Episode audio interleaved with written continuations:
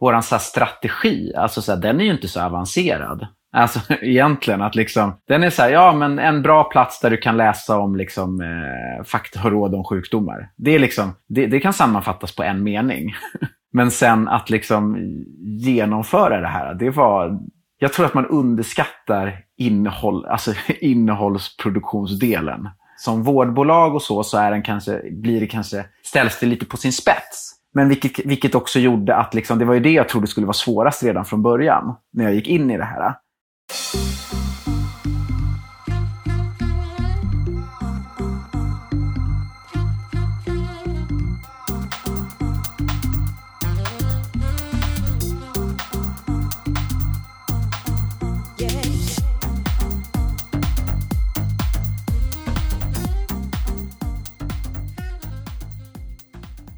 Välkommen tillbaka till Digital marknadsföring med Tony Hammarlund. Det här är en podd där jag intervjuar branschexperter och marknadsförare för att lära mig mer om digital marknadsföring. Mitt mål med podden är att bli en bättre marknadsförare och samtidigt dela med mig av intressanta samtal med några av Sveriges bästa marknadsförare. Nu är det återigen dags för ett case här i podden. I det här avsnittet så får du höra om hur den digitala vårdaktören Doktor.se på bara ett år ökade sin trafik med 4000% genom smart SEO och innehållsarbete och i februari i år hade man närmare 400 000 besökare från det organiska söket. Den här utvecklingen gjorde att man bland annat fick pris som Årets raket i Svenska SEO-priset 2020. Med mig för att prata om det här caset har jag Leo Heibel som är marknadschef på doktor.se och Christian Hjältsäter som är sökmotorkonsult och SEO-ansvarig från Pineberry för doktor.se. Precis som det tidigare caset i podden så ligger fokus på hur man gick tillväga, något som det ofta hoppas över i de case som presenteras på andra håll.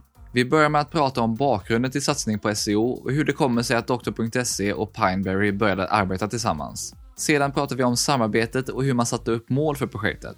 Leo och Christian går efter det igenom hur man gick tillväga i uppstarten av projektet och de steg man gick igenom. Allt från analys och sajtstruktur till innehållsplanering och själva innehållsproduktionen. Och vi avslutar självklart med att prata om resultatet av allt arbete. Du får även höra vad som varit den största utmaningen i projektet, varför man valde trafikmål och inte antal vårdbesök och hur man mäter och följer upp SEO-arbetet. Christian berättar även om den stora sökordsanalys han gjorde inledningsvis som hade över 1000 sökord med totalt 2,5 miljon sökningar. Du hittar som vanligt länkar och andra resurser vi nämner i poddelägget på tonyhammarlund.io, så du behöver inte anteckna. Efter länkarna i poddelägget så hittar du även tidstämplat i olika sektioner i intervjun. Innan vi kör igång så vill jag även passa på att presentera Queenslab som är med och sponsrar podden.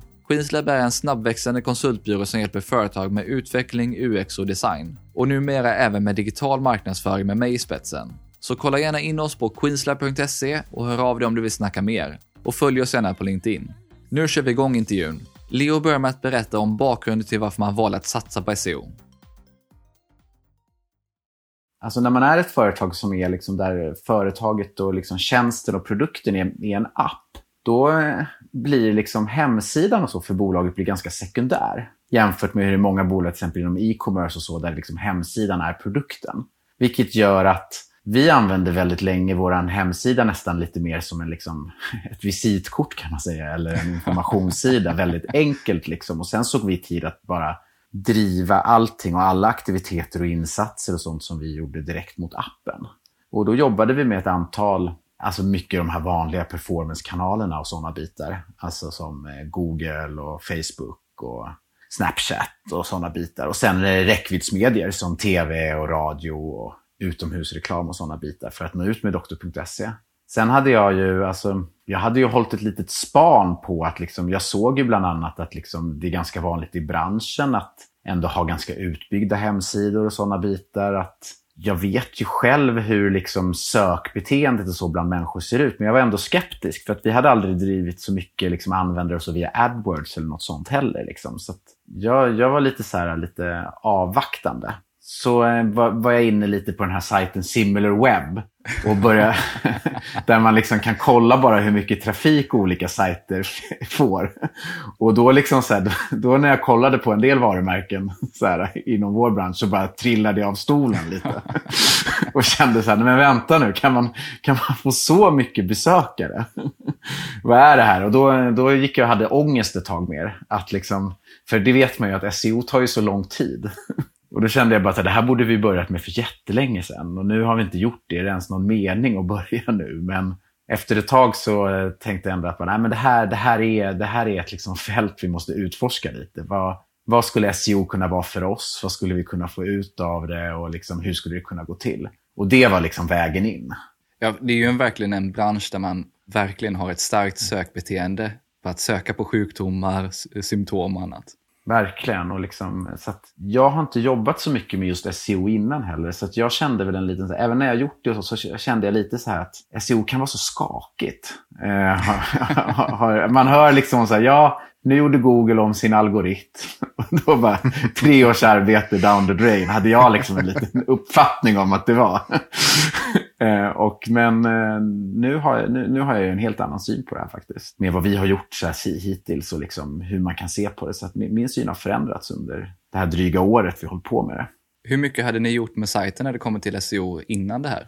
Alltså SEO-mässigt hade vi egentligen inte gjort någonting kan man säga. Det hade väl gjorts någon form av genomlysning vid något tillfälle så att man hade lite, ni vet, meta descriptions och sådär liksom, på sajten. Men vi, det var liksom, alltså det är som jag sa, att liksom sajten var inte central för oss till en början på doktor.se. Det, det är den idag. Den har en jätteviktig roll att spela. Men det var väldigt, väldigt mycket liksom att eh, det var en basic sajt om doktor.se. Det fanns ingen liksom SEO-strategi eh, bakom den eller en särskild, liksom, vi hade inte byggt den på ett särskilt sätt utifrån ett SEO-perspektiv eller någonting. Utan det var väldigt, väldigt liksom, en standard Wordpress-sajt liksom, som du har om ditt bolag där du informerar lite och folk kan ladda ner appen. Hur kom det sig att ni började arbeta tillsammans sen och hur såg uppdraget ut från början? Jag gjorde ju så som man liksom gör alltså som eh, beställare. Att liksom jag började googla efter olika SEO-byråer och kolla på liksom vad, jag kunde, vad jag kunde hitta någonstans och så. Och eh, träffade ett antal eh, olika, varav en då var Pineberry. Uppdraget var ju väldigt brett. Det var egentligen så här, kolla här på SimilarWeb. vi har inte så här. och liksom, jag hade ju en hypotes att liksom, vad är det vi behöver göra? Jo, vi, vi behöver liksom bra innehåll på sajten kring liksom fakta och råd kring hälsa och sjukdomar. Men sen var det, liksom, sen var det väldigt så här, min fråga var ju mycket, hur, hur skulle ni göra om ni fick det här uppdraget? Och då tycker jag att Pineberry gav ett väldigt så bra, straightforward och flexibelt förslag. Liksom. Och hur kom du in i bilden, Christian? Jag kom in i bilden genom att Björn, då, vår head of SEO, sa till mig att nu har vi en väldigt spännande kund som vi ska pitcha för och se om de kan jobba med oss. Och att de hade träffat då Levander, vår kundansvariga, innan där. Och då um, frågade om jag ville vara med på den pitchen. Och då så var jag ganska ny på Pineberry så jag sa ja men självklart jag vill se hur det går till. Och så sa han, ja, men gör, gör lite sökordsanalys för att kolla liksom, vad, har de, vad finns det för, för volymer, vad missar de för sökbeteende idag, hur mycket trafik skulle de kunna ha liksom. Och det var ju en liten sån här, wow, här är det liksom, eh, här kan vi skapa liksom oändligt många sidor i princip och driva hur mycket trafik som helst. För sökningarna finns ju där. Så jag gick ju med då på det där mötet och eh, träffade då eh, Leo och Svante. Och sen handlade det väl lite grann som Leo var inne på, just det här att vi behövde visa liksom transparens och hur vi vill jobba eh, och vad det kan ge. Och där var det ju liksom ganska intressant då att när man tittade på siffrorna så sa det sig själv liksom. Visst, man kan köpa in trafik och driva dem till sin app, men om man kan få ännu mer trafik gratis via SEO så är det lika bra. Liksom. Så kan vi ändå driva dem vidare till appen. Det mötet var verkligen en sån här, jag tror att alla var nöjda när man gick därifrån och vi kände att vi, vi har visat vad vi kan göra. Doktor får nu bara ta ställning till om de vill köra med oss eller inte. Liksom. När var det här i tid? Det var liksom på hösten, vintern där 2019 måste det ha ja. varit, eller hur? Ja. ja och sen så kom vi väl igång, liksom, vi kom väl igång med, med arbetet i början av 2020. Så eh, lite mer än ett år sedan som vi liksom verkligen började jobba och sen har det ju gått otroligt snabbt. Hur har samarbetet sett ut mellan er och vem har gjort vad? I det här projektet har det ju varit eh, extremt många inblandade. och alltså så här, det är ju inte, alltså, att jag och Christian sitter här speglar ju egentligen inte alls hur många som varit inblandade i det här projektet. För dels är det ju flera stycken från er där på Pineberry, Christian. som liksom jobbar med mer SEO-expertisbiten. Sen har vår webbyrå varit inblandad med allt vad gäller liksom implementation av de förändringarna ni har kommit med, den sidstruktur som ni föreslog till oss och alla de bitarna. Och sen har vi ju haft vår medicinska skribent Eva som egentligen är liksom navet i hela det här arbetet och den som gjort det möjligt ens att kunna göra det här. Liksom, som bara har skapat så otroligt mycket bra, högkvalitativt relevant innehåll. Och sen har vi då haft den medicinska personalen på doktor.se som har varit beredda att komma med input på allt det här innehållet, sakgranskare, se till att det liksom är medicinskt korrekt och inte bara liksom kommunikativt korrekt. Det har, det, har, det har varit så otroligt mycket människor inblandade.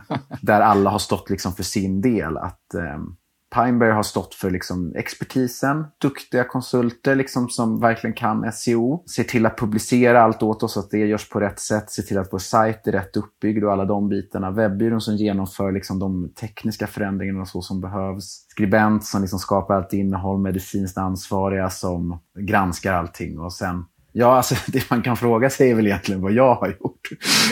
Om man tänker efter. Att min, min roll är ju egentligen i ett sånt här projekt ganska begränsad. Jag har ju mer en möjliggöra-roll som marknadschef.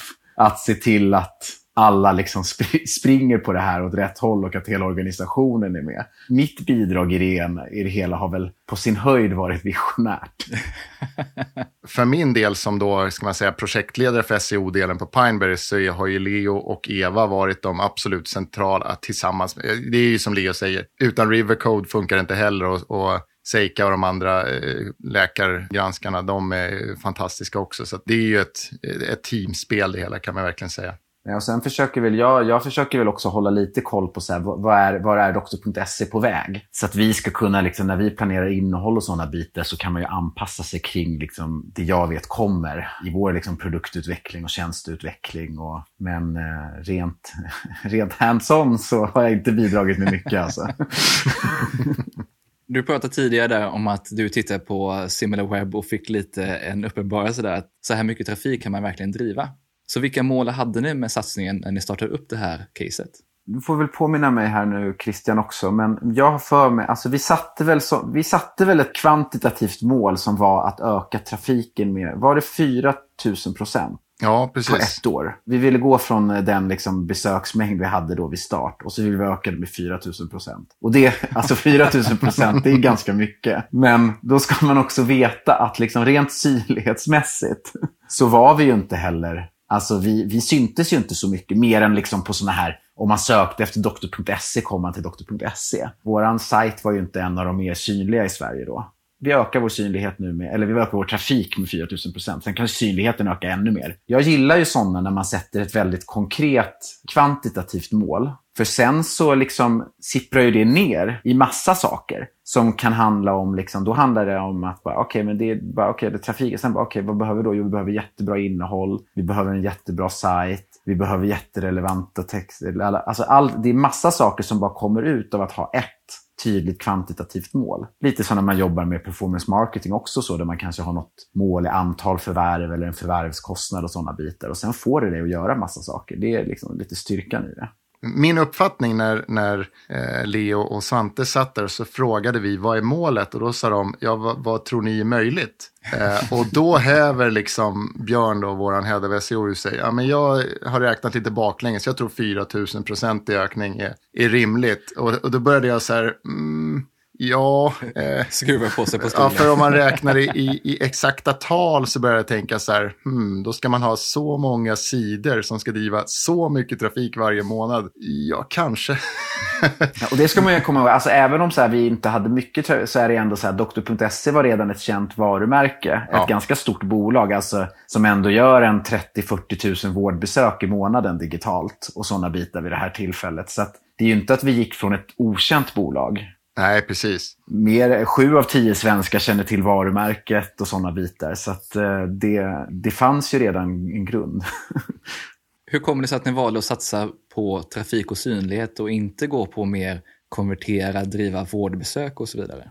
Jag, jag har tänkt liksom ganska mycket på det här liksom SEO-projektet och så på sistone. Och vi har ju skapat en mängd, mängd fakta och rådsidor kring liksom hälsa och sjukvård. Det är det som är hela grunden i vårt projekt. Om vi gör det och människor kommer dit och läser och ser att de får all den här informationen, vi ger massa egenvårdsråd, inte att man måste kontakta doktor.se just, utan vad man kan göra själv, var man kan söka annan typ av hjälp. Och liksom, vi bjussar på det här och ger det här till människor, att liksom, vi kan bli som en plattform för människor där de går in och får hjälp med sina vårdbesvär, bara själva med hjälp av de här texterna och sådana bitar. Då tror jag att det här är väldigt värdefullt för oss som bolag på lång sikt. Om man är helt fokuserad på så här, ja, men nu ska vi hitta användare, då tror jag att man, då får man väldigt svårt att skapa väldigt bra användartillvänt innehåll. För då börjar man så här, okej, okay, vad är relevantast för att man ska göra det? Ja, men då då ska vi nå någon som söker efter online-doktor nu.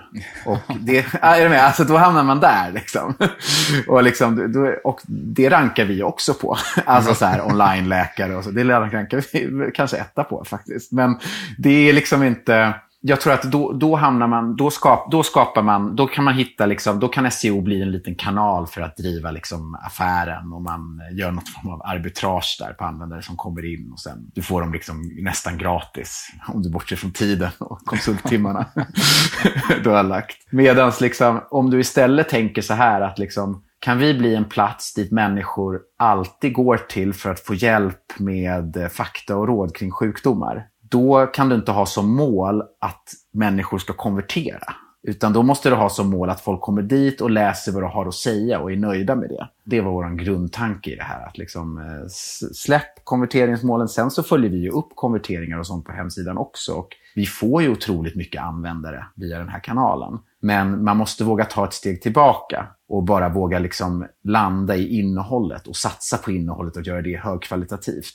Och när du gör det så vill du ha ett mål som, det ska vara kvantitativt som det här var, men det ska inte vara för nära liksom själva förvärvsaffären skulle jag säga. Ja, men det är jättekul att höra dig prata om det, för det blir väldigt lätt att man fastnar i den typen av målsättningar. Just att det ska driva affären framåt hela tiden.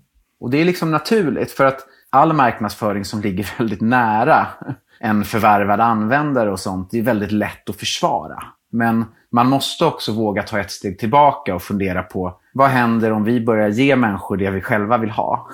och bjussa på det här och all den här informationen. Vi gömmer inte, liksom, det ligger inte bakom några väggar eller att du ska lämna ifrån dig mejladresser eller någonting. Va, vad händer då? Jo, du kommer få mångfaldiga tillbaka för att du visar att du är ett eh, schysst varumärke. Jag, jag, tro, jag tror på det väldigt, väldigt mycket. Och om du, om du som bolag har tid att vara långsiktig, då kommer det belöna sig. För att i slutändan handlar det om att bygga ett starkt och känt varumärke och vara en plats för människor som behöver vård. Sen antar jag att ni också har en mix av det här. Det är inte bara så att ni satsar på det långsiktiga, utan även har det mer kortsiktiga. Absolut inte. Vi har ju alltså så här, vi, vi jobbar ju jättemycket alltså med att se till att liksom, vi, vi driver ju Doktor.ses tillväxt hela tiden och ser till att vi hittar användare och sådana bitar. Man måste veta vad, alltså det är lite så här media-mix-tänk egentligen. Vad har varje liksom kanal för roll egentligen? Alltså vi gör ju till exempel, vi gör ju mycket tv-reklam också. Och den följer inte jag heller upp på konverteringsutveckling. Utan tv-reklamen följer jag upp på hur den påverkar vår brand awareness och kännedomen kring doktor.se och vilka långsiktiga effekter den har. Medans när vi jobbar med Facebook-annonsering till exempel, då eh, är vi otroligt fokuserade på liksom konverteringen och sådana bitar. Och där ska den göra det jobbet. Men man måste vara medveten i sin eh, liksom, eh, marknadsmix eller mediamix vad varje plats ska liksom, göra för arbete i den här liksom, stora tratten du försöker bygga upp egentligen av användare. Om vi går vidare lite då. Hur gick ni tillväga i uppstarten av det här projektet och vilka olika steg eller delar gick ni igenom? Jag vet inte om hur pass mycket i detalj man ska gå, men det första vi gjorde var ju en, en gigantisk eh, sökordsanalys bara för att påvisa liksom den här sökvolymen finns där ute. Eh, någon annan plockar den trafiken idag. Vill ni ha del av det här? Två och en halv miljoner sökningar i månaden eller något sånt där som vi kom fram till. Och jag minns hur mina kollegor på Pineberry satt där, för vi, det var ju på den tiden då man satt i kontorslandskapet med de andra kollegorna.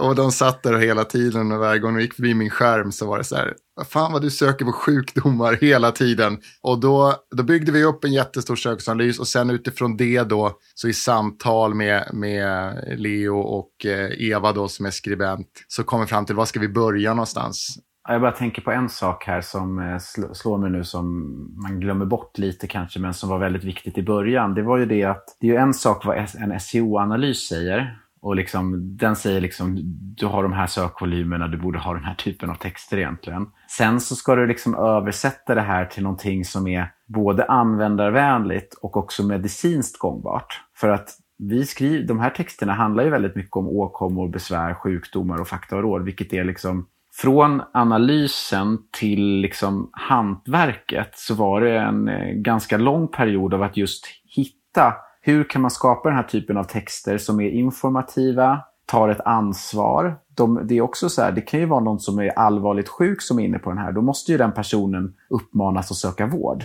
och sådana bitar. Vilket är att du har, du har ett väldigt ansvar i liksom vilken typ av texter du skapar. Och det arbetet tog ju väldigt mycket tid i början att hitta liksom balansen mellan det att liksom, här har du en sökordsanalys. Här har du den, eh, de medicinska kraven på texten. Och så ska man få ihop dem i ett.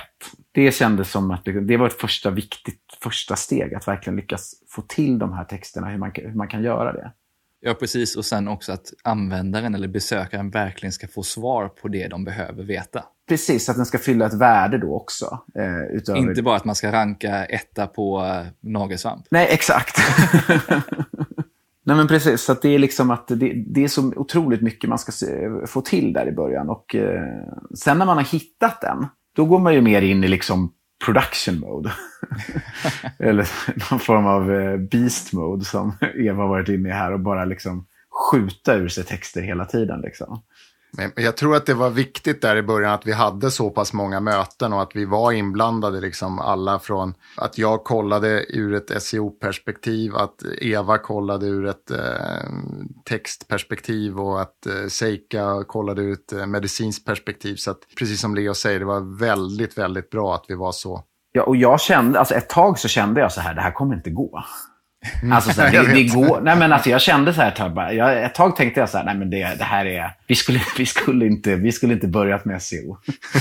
jag skulle fortsatt med Google Ads. Ja, exakt. exakt. Det, här är ju, bara, det, här, det, här, det kommer aldrig gå att synka de här olika världarna, kände jag under en period. För att, men sen eh, när man väl har hittat eh, receptet så att säga så eh, funkar det jättebra. Men det, det var väldigt knivigt där det var några månader där det verkligen var liksom så här, det hände inte mycket. Men det var väldigt mycket möten och sånt som handlade om att bara liksom få till det. Komma framåt. I praktiken, liksom. från idé till praktik. Det är det svåra alltså. Det är väl där många fastnar i den här typen av innehållsprojekt. Där man har en strategi, en tanke, en målsättning med sin SEO. Men när det väl ska gå över till att någon ska skapa innehållet och man faktiskt ska sätta det i praktiken. Det är en helt annan sak. Ja, men jag tror att där är liksom så här, för att egentligen är det så här, våran så här strategi, alltså så här, den är ju inte så avancerad. Alltså egentligen att liksom, den är så här, ja men en bra plats där du kan läsa om liksom eh, fakta och råd om sjukdomar. Det, är liksom, det, det kan sammanfattas på en mening. men sen att liksom genomföra det här, det var, jag tror att man underskattar innehåll, alltså innehållsproduktionsdelen som vårdbolag och så, så är den kanske, blir det kanske, ställs det lite på sin spets. Men vilket, vilket också gjorde att liksom, det var ju det jag trodde skulle vara svårast redan från början, när jag gick in i det här. Om vi inte hade varit ett vårdbolag så kanske jag hade underskattat den biten. Och liksom, jag visste ju direkt att vi måste ha en skribent som Eva i det här fallet som är vetenskapsjournalist och liksom utbildad och sådana bitar. Att liksom, det här är ingenting som en, en vanlig copy kan skriva. I vanliga fall kanske man tänker sig att det där med innehållet bara löser sig.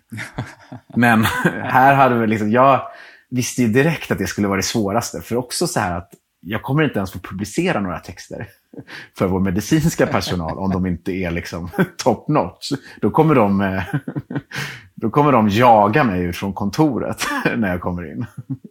Men någonting som jag är intresserad av det är det här, du nämnde ju sökordsanalysen och att den var ganska stor den du gjorde Christian. Om man nu ska nå 4000 procent där, hur stor var den här sökordsanalysen och vad hittar ni där? Ja, det kan man väl sammanfatta i att eh, eh hur många sjukdomar finns det?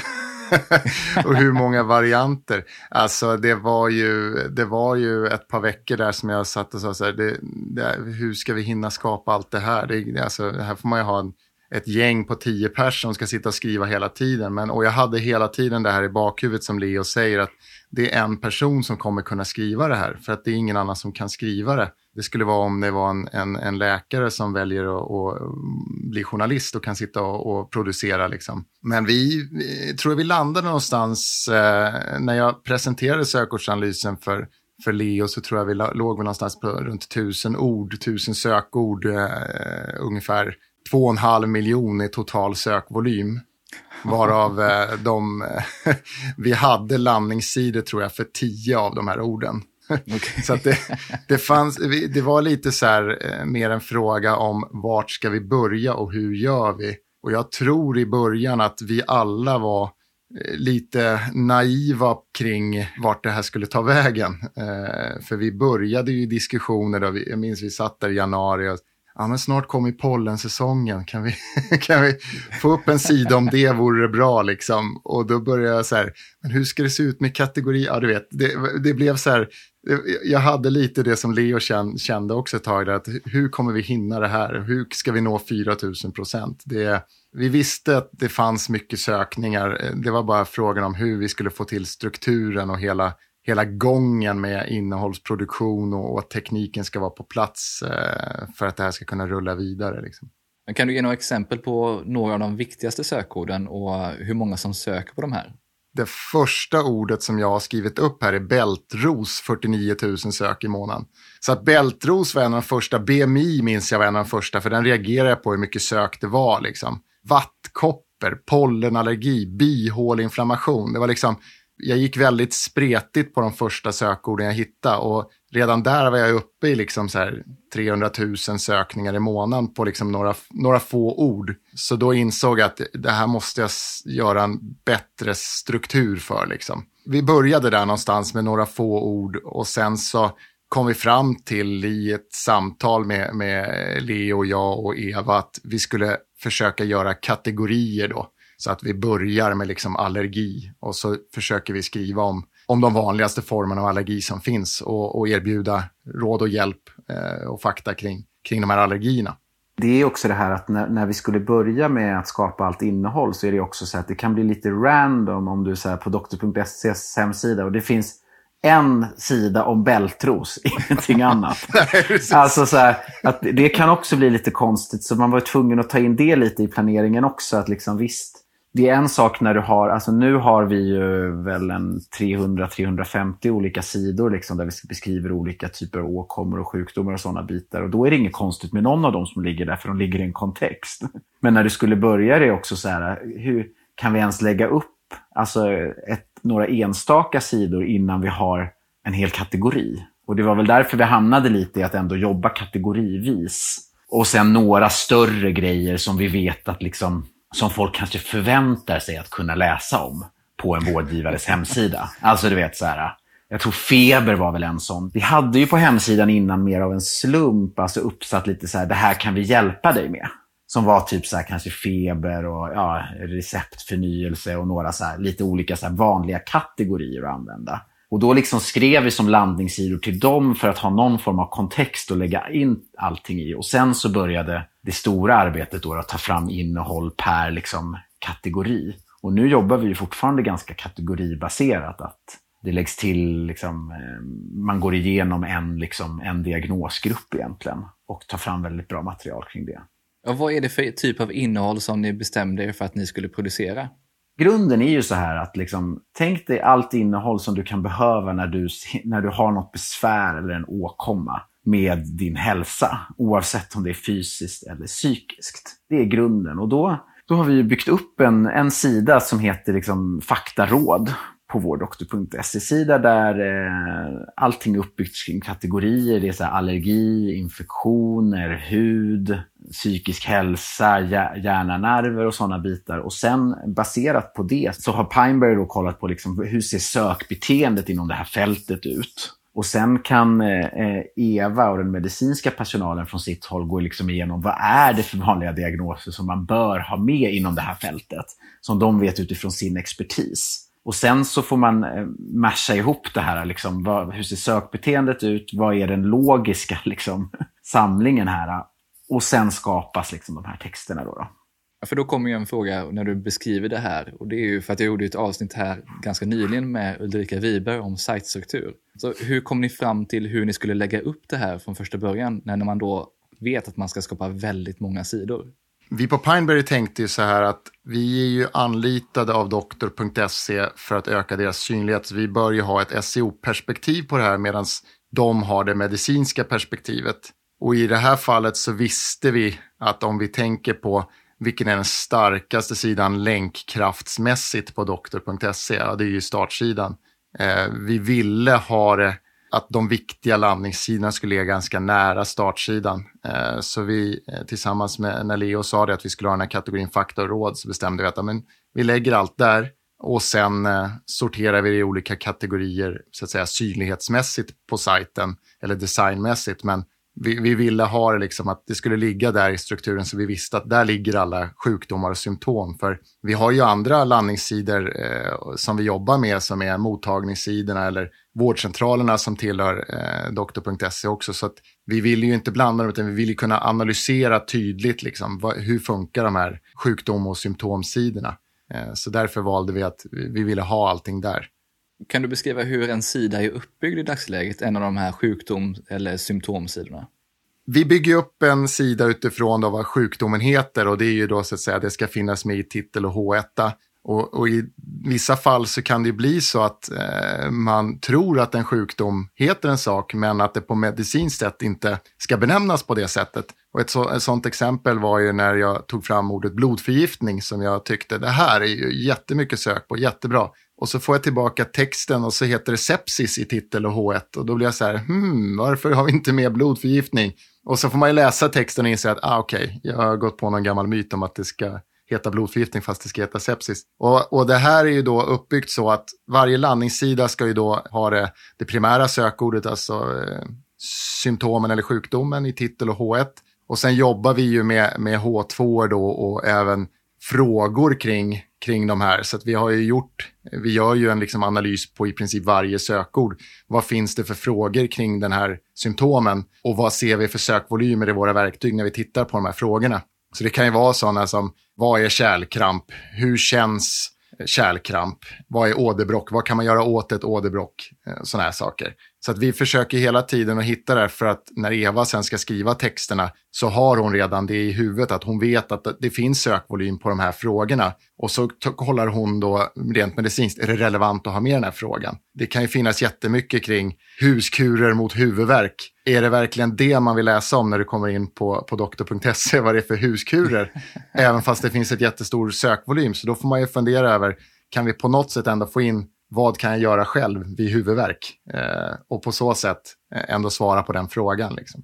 Det, det, är ganska, det, det, ställer lite frågan på sin spets här också i just det här att, som vi beskrev här tidigare med eh, skillnaden, alltså just så här, man har SEO på ena sidan och sen det medicinska på andra sidan. Att om det är sepsis det är och det är liksom det vi jobbar med medicinskt och sådana bitar, då även om då H1, liksom blodförgiftning, skulle göra att liksom synligheten blir högre då vill vi ändå att det ska heta sepsis. För att vi, vi måste ändå liksom utgå från vad är vi? Jo, men vi är en vårdgivare.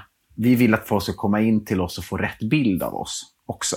Att det, handlar, det, det handlar om den biten med. Och då att liksom, det är inte så att liksom synlighet är värt någonting oavsett pris. Utan det, det, handlar ju mycket om att liksom bilden av doktor.se skapas ju också när man är inne på de här sidorna. Och då vill vi att det ska vara just, som kommer tillbaka till hela tiden, medicinskt korrekt. Det ska skapa ett värde för användaren. De ska lära sig någonting. Det ska vara bildande. Och de här bitarna. Och då får man göra avkall ibland på liksom eh, folks... på folk på mig? Eh, när jag säger att vi ska synas på Christians googlings. Men, eh, och det tycker jag är en balans som har funkat väldigt bra. Men gör ni någonting för att få med den här typen av sökningar som då är för symptomet men som kanske inte är det korrekta benämningen på det? Ja, så det som hade, hade jag fått styra över det här helt själv så hade jag ju jobbat med, så att säga, kanske bloggsidor eller någonting annat där man pratar om det här. Vi har ju en annan sjukdom som gikt till exempel, eh, där en del kallar det för portvinstå. Det kanske skulle se lite konstigt ut om det stod portvinstå i menyn. Men samtidigt så vet vi att sökningarna på portvinstå kanske är högre än gikt.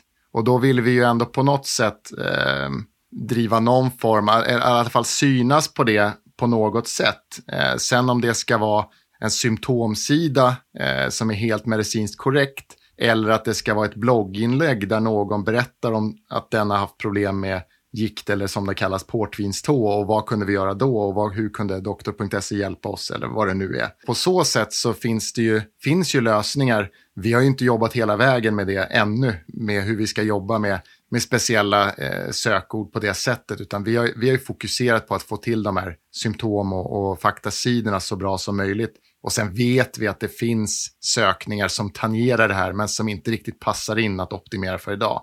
Så det är väl någonting som vi eh, jobbar med kanske lite framöver med kanske några nyhetssidor eller artiklar eller blogginlägg. Det, det ligger i framtiden för Leo att bestämma när vi ska göra. det finns mer att hämta helt enkelt. Ja, det gör det. Då kommer vi tillbaka till hur ni startade upp det här innehållsarbetet och hur man verkligen gick från teori till praktik hos färdiga sidor. Det, är som, alltså det, det var ju ett jäkla gnissel till en början att få till det här och att verkligen kunna skapa någonting som Pineberry tyckte var bra, jag tyckte var bra, alltså ur ett marknadsperspektiv, vårdpersonal tyckte var bra. Till slut så hade vi ändå hittat att liksom någon form av logik hur de här texterna kunde byggas upp och sådana bitar. Och då, då gick vi ju in i väldigt så här, sen har vi ju jobbat väldigt liksom så här kvantitativt igen egentligen med att vi har haft ett mål varje månad om hur många texter som ska upp. Och det målet har vi alltid hållit egentligen och eh, ibland överstigit och det är hela grunden egentligen.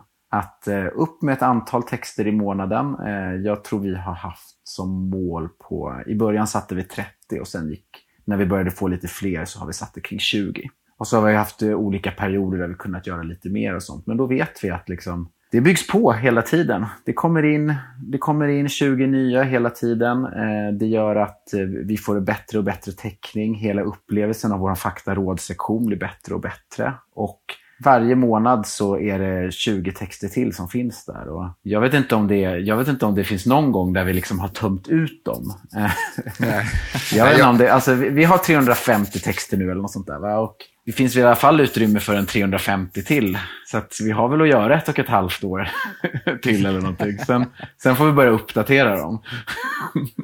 jo, men eh, det, det är som Leo säger att det finns ju liksom i vissa perioder så har jag känt så här, nu måste vi öka, nu måste vi få ännu mer. Och sen när man tittade sen i slutet av månaden, ja, vi fick upp 25 texter den här månaden, vi fick upp 30 texter den här månaden. Det här, det här målet, det blir som en stolthet liksom, att det ska upp 20-25 sidor varje månad. Vi ska öka synlighet, vi ska finnas där, vi ska skapa nya kategorier. Kan vi förbättra det vi har idag? Skulle vi få för många underkategorier under infektionssidan, hur kan vi splitta upp den så att det också blir bra för användare? Vänligheten. Liksom. Så att eh, det är, hela tiden kommer det, kommer det nya idéer på utvecklare. Men det är ju verkligen så här, det, är ju, alltså det handlar ju om att bara ner i fabriken och liksom mm, skapa. Mm, ja. Eller hur? Att det, är liksom så här, det finns inget annat. Utan det, det ska bara det, det, ska skapas och produceras. Ja. I och med att ni är då flera personer som är inblandade i det här, hur går själva innehållsprocessen till? Hur kommer liksom en text upp på sajten? Jag har tillsammans med Eva då ett dokument som vi delar med varann. Där vi har kommunikation i det dokumentet. Eh, där jag har då listat, egentligen började med de här tusen sökorden från sökordsanalysen. Och sen har vi listat upp det i olika kategorier. Vi har listat upp det med eh, där jag gör researchen kring vad finns det för sekundära sökord på det här. Och sen kan ju hon ha någon kommentar om vad ska, vad ska jag skriva om det här eller hur ska jag göra det där eller finns det några frågor och sådär. Där i så har jag ju sagt att i princip varje månad så går vi igenom.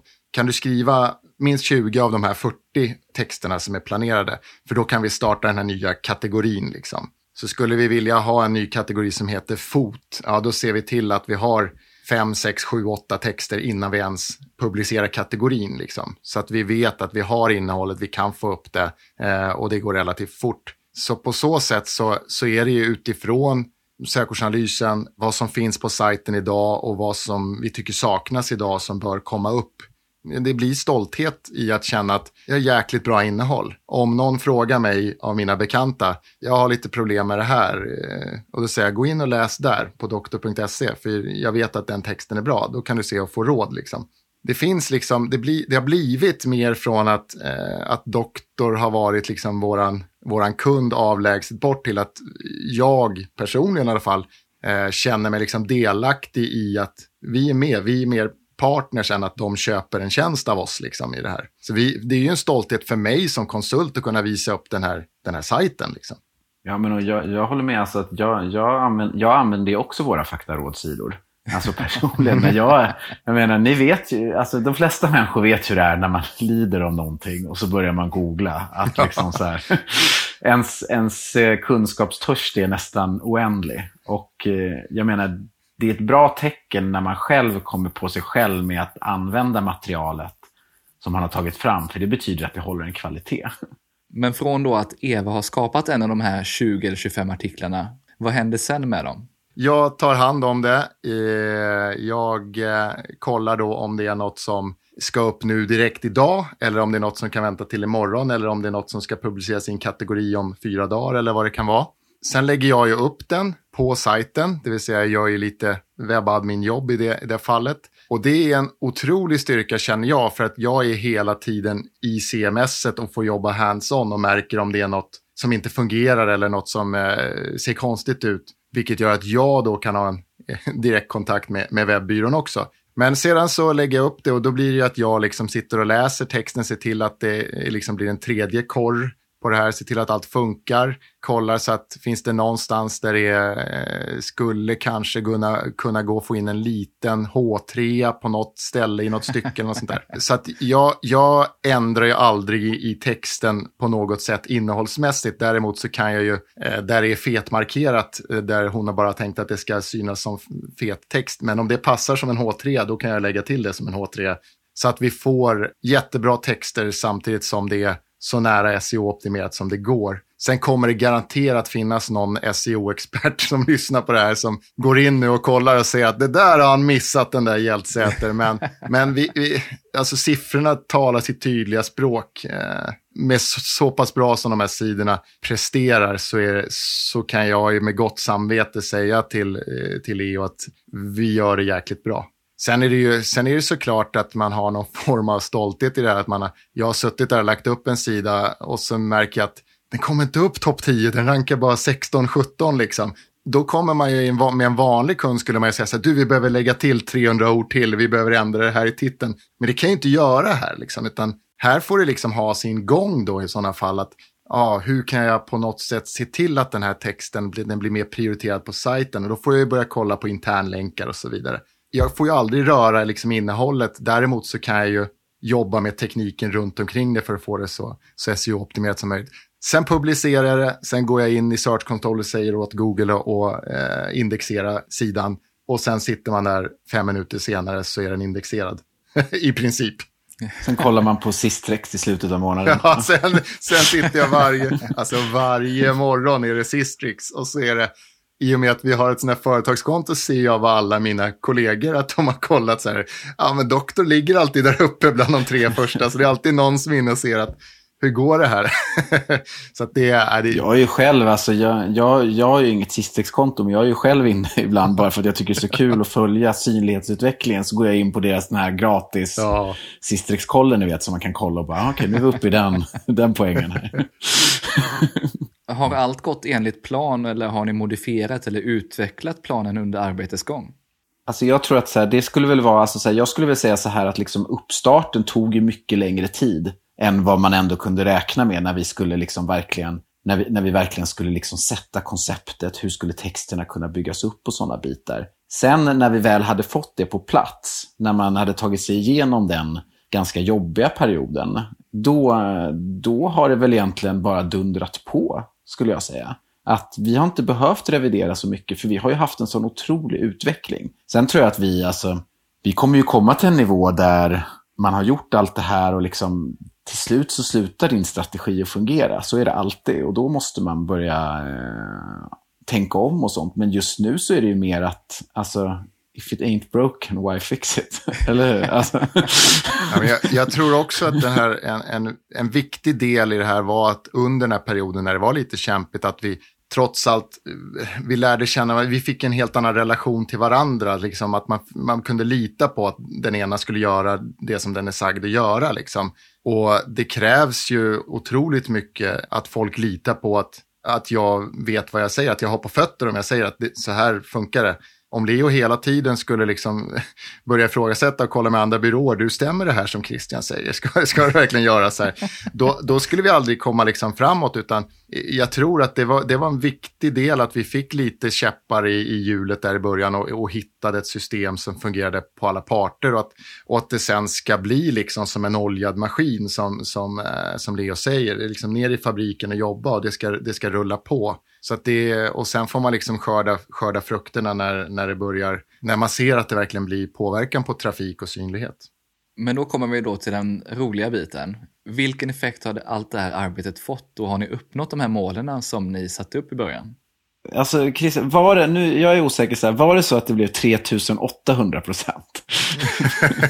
alltså, yeah. Var vi inte 200? Vi är över 4000 procent ja. nu. Men var det inte 3800 procent i slutet av året? Jo, det... Som vi ökade trafiken. Precis, vi kollade, eh, jag, jag kollade på siffrorna att jag tror att jag publicerade den första sidan den 10 februari förra året. Och att sista januari så hade vi ökat 3860 procent eller något sånt där. Och sen 7 januari så var vi på 4000 procent. Så det var så här, en vecka senare. Så jag var så här, det skulle ha kommit. Men, eh, men jag tror summan när jag räknade på det, att efter tio månader hade vi, hade vi uppfyllt 4000 ök, alltså trafikökning. Och det var ju eh, otroligt skönt, eh, ett, ett kvitto på att det går bra. Och sen samtidigt blir man så här, vad blir nästa mål? Där? Ska vi liksom, hur ska vi gå vidare nu? Men, men jag tror att det, när, när jag personligen kände att nu uppnått det här, jag var sjukt stolt när jag skickade till Leo, nu är vi över det här liksom. Så nu försöker vi väl eh, treva efter lite nya mål här inför eh, vad som ska hända under det här året. Och sen så här liksom rent sisträcksmässigt har vi väl gått från typ 1 till närmare 50 nu. Ja, vi passerade 50 igår tror jag. Och jag tror väl att vi, när vi fick det här, när vi fick det här SEO-priset som årets raket, då tror jag väl, hade vår synlighet ökat med, var det 8000 procent? Nej, det, det var, då tror jag att den hade gått 800, från ja, 800 eller 900, det var någonting sånt där de hade. De hade kollat på synligheten. Ja, precis. Eller hur? Ja, hur den hade gått upp. Och...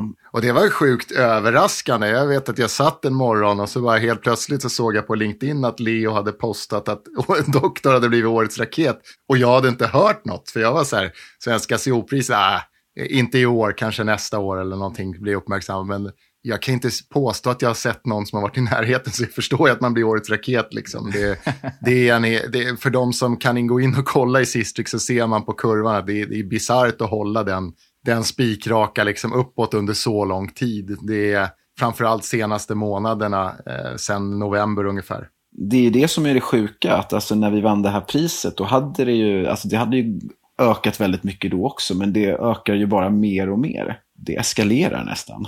Så man, man, man blir ju lite bortskämd när det gäller synligheten här nu. Att Ja, och vi var ju lite sådär, vi hade ju, i och med att vi jobbar med en del andra kunder, så när den här Google-uppdateringen kom i slutet av november, början av december, så var vi så här, är det någon som ser någon påverkan? Och så satt vi där 15 SEO-experter och diskuterade och så här, nej men mina sajter går väl bra. Och så var det någon som gick in på Doktor och kollade och så här, åh helvete, ni, ni, går ju hur bra som helst. Jag sa, men Google är snälla mot oss för vi har gjort det rätt från början. Eh, vi behöver inte oroa oss för de här Eh, för de här sakerna. Vi, vi är beredda på liksom vad, vad som än kommer. Och jag tror att det också är en nyckel i det hela, att, att, eh, att Leo ställer frågorna. Du, vi ser, kan det här vara ett problem med hastighet på sajten? Och så kollar vi och ser, ah, vad kan vi göra? Och så är det liksom ganska korta handlingstider tills dess att vi kommer fram till att vi tar ett möte med webbyrån, vi, kan vi göra så här och så här och så här och sen så tar det någon vecka eller två och sen så den här lösningen har vi Leo, blir det bra? Ja, det blir bra och så kör vi det och sen rullar det på. Så det är ju eh, otroligt tacksamt att, att ha korta handläggningstider på grejerna eh, samtidigt som det blir bra. Hur mäter ni och följer upp SEO-arbetet och det, det här innehållet som ni skapar?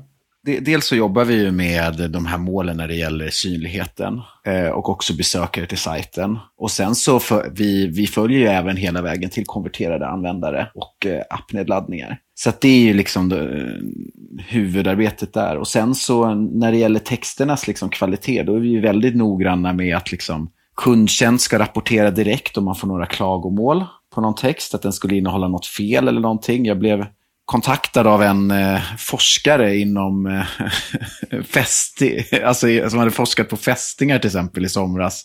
Som gav lite input på hur vi kunde göra sidan ännu bättre.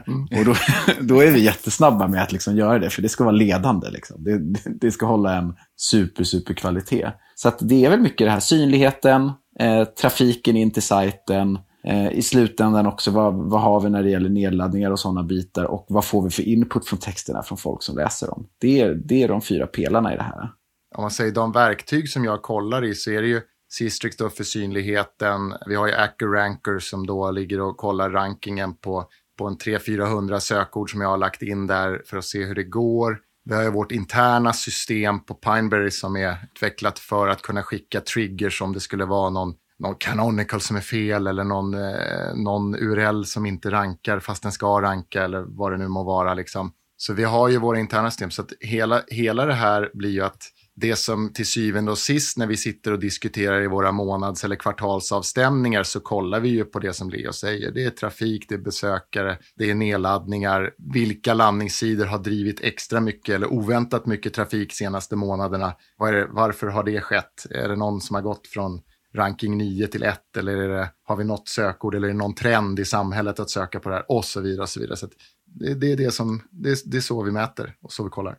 Jag vill ju att folk som har varit inne på de här sidorna ska säga att de varit inne på dem och bara ge dem bra betyg. Säger att liksom, ja, men jag var inne på det här, det var väldigt bra. Vi eh, förvärvade en ny vårdcentral här nyligen och då hade verksamhetschefen varit inne på vår hemsida och var väldigt imponerad av de här faktarådsidorna. Och då, alltså när jag hör sånt, då, då tycker jag att vi har hamnat rätt. Hur ser planen ut framöver för SEO och allt innehåll ni ska skapa? Fortsätta eh, på inslagen bana så länge det, så länge det fortsätter gå så bra. Det, det, det ska man inte peta i. Det tar bara tid och energi. Eh, och sen eh, jobbar vi ju med, alltså, vi har några liksom så projekt. Dels så jobbar vi lite med att eh, öka vår synlighet på vissa omkringliggande saker som vi pratade om innan, där det kanske inte passar in på faktarådsidor. Där vi jobbar med i artikelform för, som vi använder för våra nyhetsbrev och sådana bitar som ett litet så här, lite mindre sidoprojekt. Och sen så kollar jag också på hur, eftersom att våra de här faktarådsidorna håller så pass hög kvalitet och är så uppskattade, så kollar jag ju mycket på nu hur hur kan vi använda det här till saker som kanske inte är just vad man normalt sett skulle säga SEO? Kan vi göra så att våra patienter får del av de här texterna i ännu högre utsträckning automatiskt via vår app efter att de fått vård? Kan vi använda de här texterna för att veta vilka kategorier vi ska erbjuda till människor att söka vård inom? Kan vi eh, skapa andra typer av innehåll med hjälp av de här texterna? Vad händer om vi driver AdWords till de här texterna också? Och sådana här bitar. Liksom. Så det handlar om att liksom, eh, ta, ta den, här fina, liksom, den här fina plattformen vi fått tack vare det här SEO-projektet och kolla på att kan vi utnyttja den till andra delar eh, i verksamheten och liksom skapa ännu mer värde utifrån den det är också någonting man får gratis när man, gör, när man satsar på innehållet. Då vågar man använda det. ja, och sen, och sen så kan vi ju säga att vi har ju faktiskt också jobbat en del med lokal SEO just eftersom Doktor eh, har fysiska vårdcentraler. Och, och det är ju också ett, en viktig del i, i vi ska säga, det vi kallar för outreach eller att kunna jobba med länkar på det sättet att eh, när det kommer en ny vårdcentral som, som hamnar inom doktors paraply så, så har ju de en sajt med bra länkar och så vidare. Så vi, vi ser ju till att vi liksom får in det under, under sajten och internlänkar på ett bra sätt så att vi liksom gör så bra vi kan eh, av det länkvärdet vi får också. Då. Så att det finns ju när, när, så fort Leo säger nu, nu är det en ny vårdcentral på gång, då känner jag ju så här, ah, bra, en ny domän, någonting att jobba med, vad har vi där? Vi får ju alla bitarna liksom, vi får eh, marknadstänket överlag från Leo, vi får det medicinska tänket och texterna och så får jag liksom nörda mig lite på SEO-biten, eh, vilket är roligt i det här det, det är liksom det som är den utstakade vägen, att Leo talar om vad, vad är nästa steg och sen, sen bygger vi en SEO-strategi, eller jag i alla fall i det här fallet, eh, bygger en SEO-strategi utifrån det som, som Leo planerar, vad ska hända närmsta halvåret, året eller sådär. Det här var superkul att höra er berätta om det här caset, för det här är riktigt imponerande. Så stort tack för att ni kom med i podden. Tack, Tack jättekul att få vara med. Precis som jag sa till Leo och Christian så var det riktigt kul att få höra mer om det här projektet. Det är imponerande att man har lyckats öka sin trafik med hela 4000 procent på så kort tid. Inte minst då Doktor.se har några riktigt tuffa konkurrenter. Men också att man har lyckats skapa så mycket innehåll. Jag har som vanligt tagit mängder med anteckningar, men det här är mina tre främsta insikter från intervjun. 1. Att det kan vara svårt att komma igång med innehållsproduktion och att det kan kännas väldigt trögt i början då ofta fler parter ska jobba tillsammans. Men får man igång maskinen så får man snart upp farten. 2. Det här caset bevisar att strategi för content marketing och SEO inte behöver vara så avancerat. Ibland kan det vara så enkelt som att skapa riktigt bra och informativa sidor om sjukdomar och symptom. Och 3. Att det aldrig är för sent att satsa på SEO. Det går att få fantastiska resultat även om det finns tuffa konkurrenter som har skapat bra innehåll under lång tid. Det här var mina insikter från avsnittet, men jag vill gärna höra vad du tog med dig och vad du tycker om både avsnittet och caseupplägget. Så dela gärna dina tankar i en kommentar, ett meddelande eller ett mail. Och passa gärna på att skicka en kontaktförfrågan på LinkedIn om vi inte redan har connectat. Du hittar som vanligt länkar till allt vi nämnde i poddenlägget på tonyhammarlund.io och självklart en länk till fakta och rådsidorna på doktor.se. Har du några ytterligare frågor till Leo eller Christian så kan du ställa dem i kommentarerna direkt in i poddenlägget. Gillar du det här avsnittet och podden så vill jag som vanligt påminna om att prenumerera och tipsa gärna andra om podden. Avslutningsvis vill jag passa på att tacka Mikael på Newbreeze Music som hjälper till med att producera den här podden och stå för musiken. Vi hörs snart igen med fler intressanta gäster och ämnen.